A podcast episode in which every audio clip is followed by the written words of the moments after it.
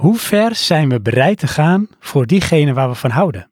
En hoe diep kun je zakken tot het punt waarop je totaal geen eigenwaarde of liefde meer voelt? Dat gaan we ervaren in Darren Aronofsky's The Whale.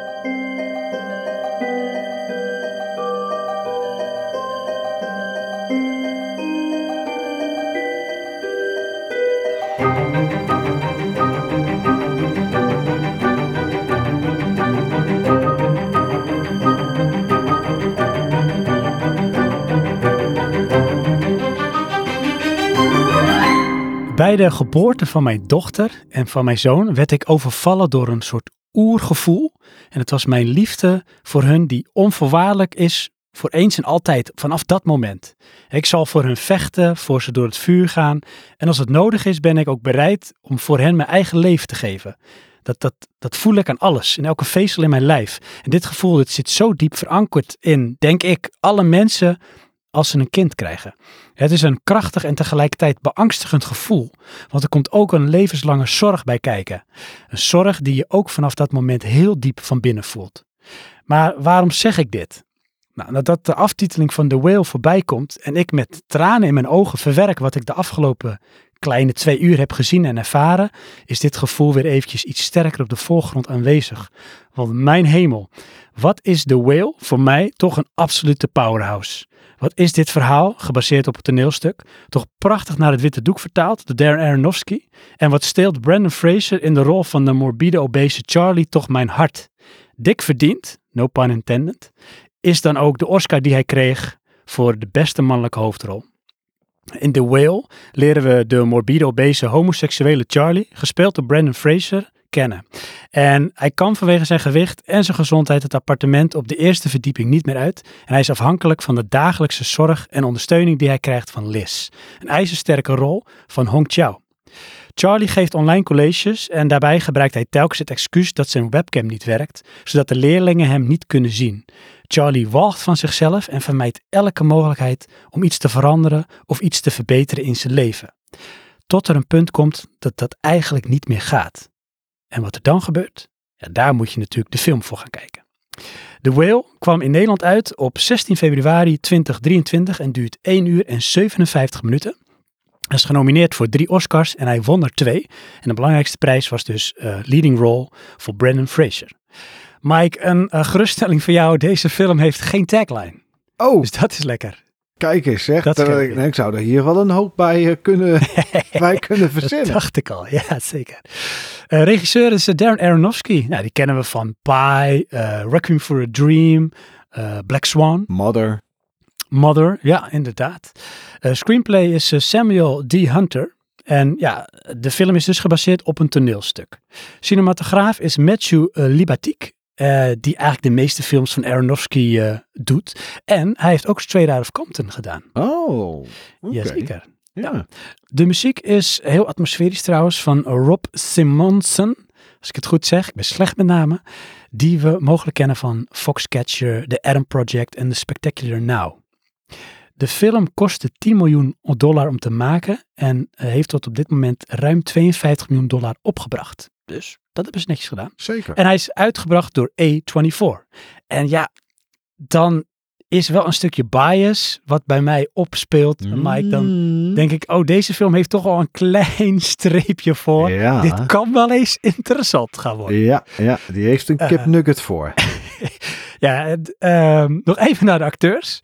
In de hoofdrol Brandon Fraser als uh, ja, de morbide obese Charlie. Dan hebben we Sadie Sink, het uh, roodharige meisje dat je wellicht kent als Max uit uh, uh, Stranger Things. Oh, ja. ja. speelt Ellie, de dochter. Dan hebben we Ty Simpkins, die Thomas speelt. Ja, best vertaald in het Nederlands, een soort Jehovah-getuige. Hebben we Hong Chao, die de verzorgster Liz speelt. speelt. En Samantha Morton, die we kennen uit onder andere Minority Report en The Walking Dead. En die speelt dus de ex-vrouw Mary. Ja, ex-vrouw, want Charlie had dus eerst een vrouw, want daarom heeft hij ook een dochter. Ja. En toen is hij uit de kast gekomen en heeft hij zijn gezin eigenlijk verlaten voor de liefde. Um, Mike, ja. The Whale. Nou, er was natuurlijk heel veel om te doen. Staande Mhm. ovatie, Brandon Fraser. Het is de comeback kid. Uh, een Oscar. ehm, in jouw ogen terecht? Of is dit wellicht een gewoon gehypte film? The Whale is geen leuke film om te kijken.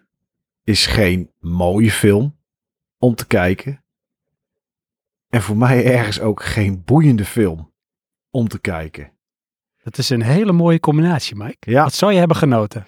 Ik had na een uur kijken nog steeds geen idee waar dit nu naartoe ging. Behalve dan dat ik een gevoel had waar het naar het einde naartoe ging.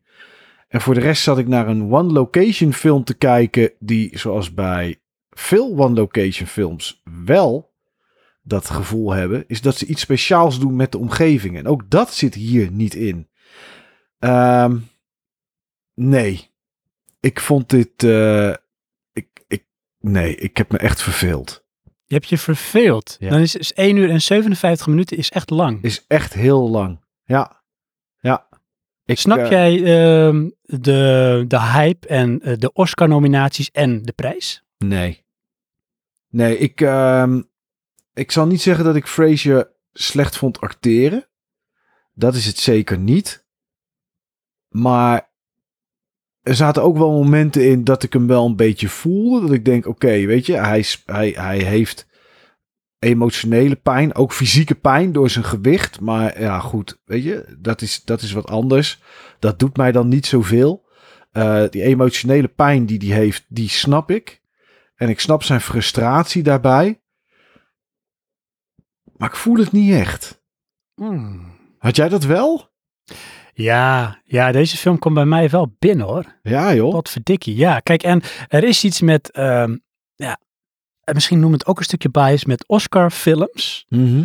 Die moeten toch vaak iets op de tafel brengen wat het onderscheidt van een toch niet Oscar-film. Ja. En dat doet deze film voor mij toch wel. En het heeft ook te maken met een aantal dingen, waar onder andere een van de dingen jij benoemt. Het is een single-location film, maar Darren Aronofsky kennende, en ik heb bijna al zijn films gezien, heeft wel een bepaalde diepgang in het bedenken hoe die iets gaat regisseren en in beeld gaat brengen.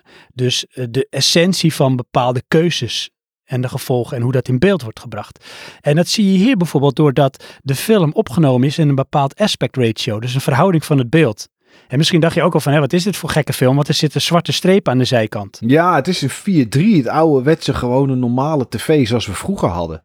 Ja, en dat is bewust gedaan om de, ja, zeg maar, opgesloten situatie waarin eh, Charlie zit nog eens nog extra te benadrukken. Ja. Plus wat je inderdaad terecht zegt, het is een single location film. Wij zijn als kijker gewoon opgesloten in het appartement. Net als dat Charlie dat is. Hij kan dat appartement niet uit. Hij zit daar vast omdat hij gewoon, hij is zo groot en zo zwaar. Het is letterlijk een walvis. Hij kan er gewoon niet uit. Nou, En wij zijn daardoor gedwongen eigenlijk om met hem in die ruimte te blijven. ben niet helemaal met je eens dat hij er niet uit kan. Want dat weet ik namelijk niet. Ik weet alleen dat hij het niet wil. Nee, dat klopt. Hij wil het sowieso. Het is een keus. Ja. Maar laat ik het zo zeggen. Hij heeft nou niet het gewicht dat hij even de trap afloopt. Nee, zeker niet. Nee. En hij woont op een eerste verdieping Ja. van een soort ja, klein appartementencomplexje. Ergens in the middle of nowhere. Jawel, en dat geeft je ook wel te denken. Hè? Dan denk je, hoe lang zit hij al binnen? Dat, Dat, zijn, kan lang zijn. ja, dat zijn wel. Je wordt dit niet in een week, zeg maar. Zeker niet. Het gewicht wat hij heeft. Dus dat zijn wel dingen waar ik dan, waar ik dan aan denk hoor. En wat dan door mijn hoofd gaat, eh, zeg maar. Want hij kan, hij kan eigenlijk niet lopen. Niet eens zonder, zonder een rekje, zo'n looprek, kan hij zich niet verplaatsen. Ehm, dus ja, weet je, ik denk dan wel op een gegeven moment van ja, hoe lang zit die kerel al binnen, joh? Eh, ja, best wel lang, denk ik. Want hij geeft zijn geld alleen uit aan vaste lasten en aan eten. En aan zijn Ja. internet. En dat is het. Ja. En ehm, ja, wat de film dan wel doet. En wat dan. Dus het zou wel uit te rekenen zijn trouwens. Want er is namelijk iets waardoor die zo dik wordt op een gegeven moment. Er Mhm. gebeurt iets in zijn leven. En dat is zeg maar de trigger om te gaan eten. Hè? Ja, mensen worden nooit zomaar zo. Dat is altijd iets traumatisch wat, wat, me- wat men meemaakt. Wat, wat ervoor zorgt dat ze op dit pad belanden. En dat is natuurlijk iets wat je, wat, je, wat je ziet. Dus je zou het uit kunnen rekenen. Maar goed, dat is, dat is niet zo heel boeiend. Want dan wordt het meer iets. Ja, wordt het meer eh, een rekenles dan dat je gewoon naar een film zit te kijken. Ja. Maar ehm, ja, ik. eh, ah, weet je, deze film. Het, het, had, het had wel wat bekende dingetjes voor mij. Dat ik dacht, ja, zo werkt het. Kijk, eh, ik ga niet zeggen dat ik een Will was, maar ik ben eh, in de afgelopen eh, jaar, anderhalf of zo, weet ik veel, ben ik 30 kilo afgevallen. Mhm. En dan zie je hier wel dingen in. Kijk, je hebt Liz. En die zegt tegen hem elke keer: je moet er wat aan doen. Je moet naar een dokter. Je moet, eh, word beter. Val af. Maar zij is wel degene die buckets met kip meeneemt. En Ja. sandwiches en weet ik wat. Dus ondanks dat zij. En toen dacht ik: ja, weet je, dit is wel hoe het werkt. Mensen die zeggen van je moet afvallen en weet ik wat. Zijn ook de mensen die als je s'avonds zit te eten zegt: ah, ik heb voor jou twee ballen gehakt. Of ik heb twee carbonades. Ja, Weet je, dus daar, daar zat wel een herkenning in. Want zo werkt het dan wel. dat is absoluut zo. En dat eh, vond ik, ik vond dus de, de rol van, van Liz, vond ik een interessante rol. Ook goed gespeeld. Zeker. Ehm, zij zit in een, ja, een soort ja, situatie waar jij als kijker denkt van, maar wat is nou, waarom is hij ingehuurd of zo? Weet je wel, waarom blijft zij bij hem? Waarom zorgt ze zo voor hem? Nou, dat wordt duidelijker naarmate de film vordert. En dat vind ik wel ook een van de krachtige dingen van The Whale is, ehm, je hebt een aantal verhaallijntjes die zich eigenlijk afspelen. Gecentreerd rondom eigenlijk het verhaal van Charlie en het appartement waar hij eigenlijk soort van in opgesloten zit. Of in opgesloten wil zitten. Want daar is op een bepaald moment eh, staat eh, dochter Ellie staat in de deuropening, gespeeld door Sadie Sink. En ehm, vanaf dat moment verandert er iets in de film. Er verandert iets in Charlie. Want tot dat moment aan toe is Charlie eigenlijk alleen maar bezig met het feit dat het leven is eigenlijk waardeloos voor hem. Ja. Hij doet wel bepaalde dingen omdat hij ze doet, maar je ziet in alles dat hij gewoon bezig is om zich gewoon dood te eten. Want dat is wat hij wil. Hij wil niet naar de dokter, ook al vraagt Liz dat duizend keer van doe dat nou. Je moet eh, voor jezelf zorgen. Nou, dat ga ik niet doen. Dat is niet nodig. En eh, een paar keer kuchen en dan komt het wel goed. Want hij heeft ook bepaalde momenten. En dat is ook iets wat in de film terugkomt. Waarin hij toch denkt van oeh, nou ga ik dood. Krijgt hij in één keer even geen adem of een steek in zijn hart. En dan heeft hij een bepaald ja, soort ritueel. Door het voorlezen van een stukje essay. Ja. Een soort met opstel Ja, van iets. En dat gaat over Moby Dick. Dat is heel apart en niet zeggend. Maar goed, de titel heet De Whale. Dus het zal wel degelijk iets te maken hebben met de film. En dat is ook zo. Maar ook dat wordt naarmate de film vordert duidelijker. En ehm, dat haalt hem dan weer even terug naar eh, het hier en nu. En dan wordt, komt hij weer zeg maar, tot rust en bedaren. Maar in alles is hij eigenlijk al bezig met afscheid nemen. En dan is daar in één keer dus zijn dochter die hij al heel lang niet heeft gezien. En waarom dat is, want dat is iets uit zijn vorige leven voordat hij uit de kast kwam. Ja, dat wordt ook duidelijker naarmate de film vordert. En hij kiest er dus voor op dat moment nog één keer te proberen ergens voor te gaan in zijn leven. En dat is eigenlijk zijn doel van dan probeer ik in ieder geval het leven van mijn dochter beter te maken. Zodat zij in ieder geval niet zo ongelukkig eindigt als dat ik nu ben. En zoals ik denk dat het voor mij gaat eindigen. Ja. Ik vond dat, hè, de meest boeiende rol eigenlijk van zijn dochter. Ik vond de stukken waar je hem alleen zag, vond ik eigenlijk maar saai. Mhm. Totdat zijn dochter weer langskwam. En, ehm, of Liz bijvoorbeeld. Het is heel raar dat in mijn hoofd, heel raar dat Brendan Fraser een Oscar heeft gewonnen voor deze rol. Terwijl ik zijn rol van alle rollen die erin zitten, misschien de minst interessante vond. Dat is heel grappig, hè? Want ik heb dat helemaal andersom. Echt waar? Ja, ik vind de rol van Sadie Sink vind ik echt verreweg de minste. Waarom? Zij doet mij te veel denken aan Max uit Stranger Things. Zij heeft zo'n boos, angry gezicht, stay angry. En ook in haar gedrag en doen is zij precies dat personage. En ik denk ook dat ze daarvoor hebben uitgekozen. Maar misschien is dat ook wel het enige wat ze heel goed kan. En daardoor vond ik het op een bepaald moment even te geforceerd. En eh, dat haalde mij eruit. Terwijl ik juist alle andere rollen zo sterk vond. Van Liz, van Thomas, die Jehovah getuige. Met ook zijn eigen verhaal. Die man, die jongen, staat in één keer aan de deur. Ja. Komt God brengen als het ware. Maar ja, Ja. waarom? Weet je wel, in een film waarin dat niet zeggend is, is hij daarna weer weg. Maar die blijft terugkomen. Dus daar is wat mee. Ook dat is iets wat zich door dit verhaal heen ontwikkelt. En dan heb je ook nog op een bepaald moment zijn ex Mary, die terug in het beeld komt. Ja. Want er is iets en dat heeft te maken met geld. En die dingen bij elkaar wordt een soort cocktail. En het is een soort slingerend pad met eh, Charlie als rode draad. Wat uiteindelijk allemaal op het einde samen gaat komen tot iets. En dat is wel interessant, want zo zijn er dus een stuk of drie verhaallijntjes die ja, een eigen ontknoping hebben. Ja. Maar wel allemaal, het, zijn, het is wel allemaal gecentreerd rondom. En wel allemaal binnen de perken van de vier muren, zeg maar, Hmm. van Charlie's huis. Ja. Maar inderdaad, eh, Thomas, eh, Mary, ja, Liz, Ellie. Ik, ik vind ze allemaal zoveel boeiender dan Frasier. Dus ik zat me ook echt af te vragen, wanneer is het moment nou dat ik denk, ja, hiervoor heeft hij die Oscar verdiend. Ja, en dat kwam voor hoor. mij gewoon helemaal niet.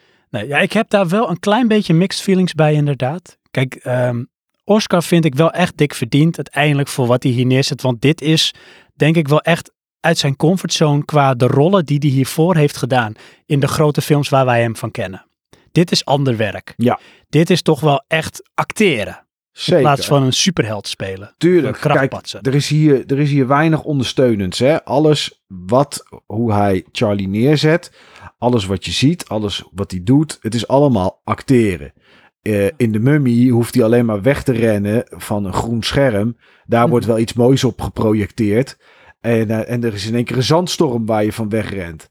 Precies. Ja, dat is natuurlijk heel anders dan dit. En dat, dat Ja. snap ik ook wel. Maar ja, ik weet het niet. Ik, eh, Want had je niet, zeg maar, hè, er zijn een aantal, zeg ik maar, zeg nu alvast quotes. nee. Ik had het nee. Oké, had ik er zijn ik een aantal. Nee. quotes en die komen voorbij gedurende de film. Weet je wel, van eh, eh, denk je dan echt dat, dat er dat mensen zeg maar in staat zijn om niet om iemand te geven? Weet je, dat is een van de Mhm. dingen die hij op een gegeven moment zegt in een gesprek met zijn dochter. Of een bepaald moment dat hij bijna uitschreeuwt van ik wil in ieder geval één ding in mijn leven goed hebben gedaan. Ja. Ja, dat kwam bij mij dan wel binnen hoor. En dat speelt natuurlijk op met muziek en het is de setting waarin het gebeurt. En het is misschien een beetje ja, overacting of zo, maar het, ik vond het wel lekker passen in die film. En in eigenlijk de wanhoop, want het is zo tegenstrijdig. Hij heeft constant een soort happy-go-lucky uitstraling naar de wereld toe. Van mensen zijn te gek.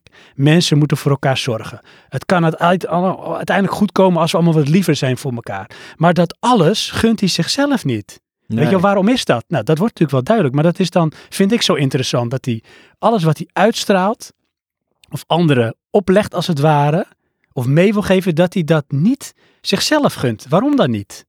Dat, Ja. dat interesseert mij dan. Weet je, wel. dan wil ik verder kijken van dit is een interessant en eh, gecompliceerd en beschadigd persoon. Dat is die. Waarom doet hij Ja. dat? Ja.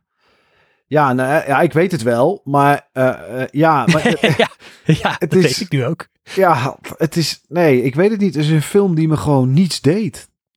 Het boeide me kan. niet. Dus er was niet bij jou, zeg maar, dat emotionele betrokken. Nee, helemaal niet. Dan gaan we even door, zeg maar, dan de, de, de laatste scène in de film is eigenlijk echt wel de climax van de film. Ja. Er gebeuren een aantal dingen. Is daar iets waarvan je zegt van, nou, dan kreeg ik wel een beetje kippenvel van je ziet van, nou, oké, weet je, hierna is de aftiteling en dan zijn we klaar. Ja. Nee, Mike, Ja, ik, kikker dat je bent, joh. Ik heb echt staan janken, weet je dat? echt waar. Echt janken. Het was echt, echt tranen biggelen over mijn wangen. Waarom, waarom stond je te janken, Sven? Waarom zit jij gewoon wel, niet hoor. veel? Oh, Ik ik, denk, echt, waarom gaat deze Ja. man staan? Nee, ik, nee ik, ik, ik had het niet. Ik was, ik, het was voor mij echt gewoon een sleur. Ik was, ik zat er te kijken en ik denk, ja, oké. ja, nu gaat hij veranderen of nu gaat hij dood. En ja, allemaal dan, dan weer niet. En ja, oh, nu gaat, eh, nee, oh, toch weer niet. Eh, Ach, nee. Ja, nou, ik snap het wel hoor. En eh, ik had dat niet. Maar ik kan me wel voorstellen, dit is ook weer zo'n hit or miss film. Ja. Ehm, nog een klein dingetje is, deze film is gebaseerd op een toneelstuk. En dat zie je heel erg. Want het is ook net of je, zoals het ook een single location is, Hmm. je zit echt eigenlijk naar een soort toneel te kijken waar Ja. op iets gebeurt. Ook een beetje hoe geacteerd wordt. En hoe bepaalde dingen in beeld zijn gebracht. Ehm, vond ik wel interessant. Dat ze dat ook, zeg maar, denk ik, bewust een beetje benadrukte. Dat dit eigenlijk kijkt als een soort toneelstuk. Ja, nee, ik wist het niet, maar jij zei het natuurlijk aan het begin. En eh, dat zinkt nu wel de hele tijd door mijn hoofd als ik de beelden terugzie van de dingen waar wij het over hebben. En Ja. denk ik, ja, ik zie dit inderdaad wel op een, eh, op een toneel gebeuren, inderdaad. Ja, En ook hier doen ze dingen ehm, met camerawerk, wat ik wel leuk vond. Eh, Kijk, er is niet veel ruimte. Nee. Maar die ruimte die er is, die benutten ze. En dan zie je dus ook wel hoe er gewerkt wordt met cameravoering. Camera is eh, veel in beweging. Langzaam pennend, van links naar rechts, langs personages heen door de ruimte. Geeft een bepaalde, eh, zeg maar, begrip of inzicht van dimensie. Hoe klein of benauwend die ruimte is. Zeker Ja. voor Charlie als groot persoon dat hij is. Mhm. Benadrukt nog meer, zeg maar, het, het ja, claustrofobische eigenlijk. Ja. En dat je ook als kijker nog meer opgesloten zit in die ruimte. Ja, ja, ja. En dan helemaal met alle rommel die hij heeft. Want ja, hij kan natuurlijk zelf niet opruimen. Hij kan eigenlijk alleen maar zitten.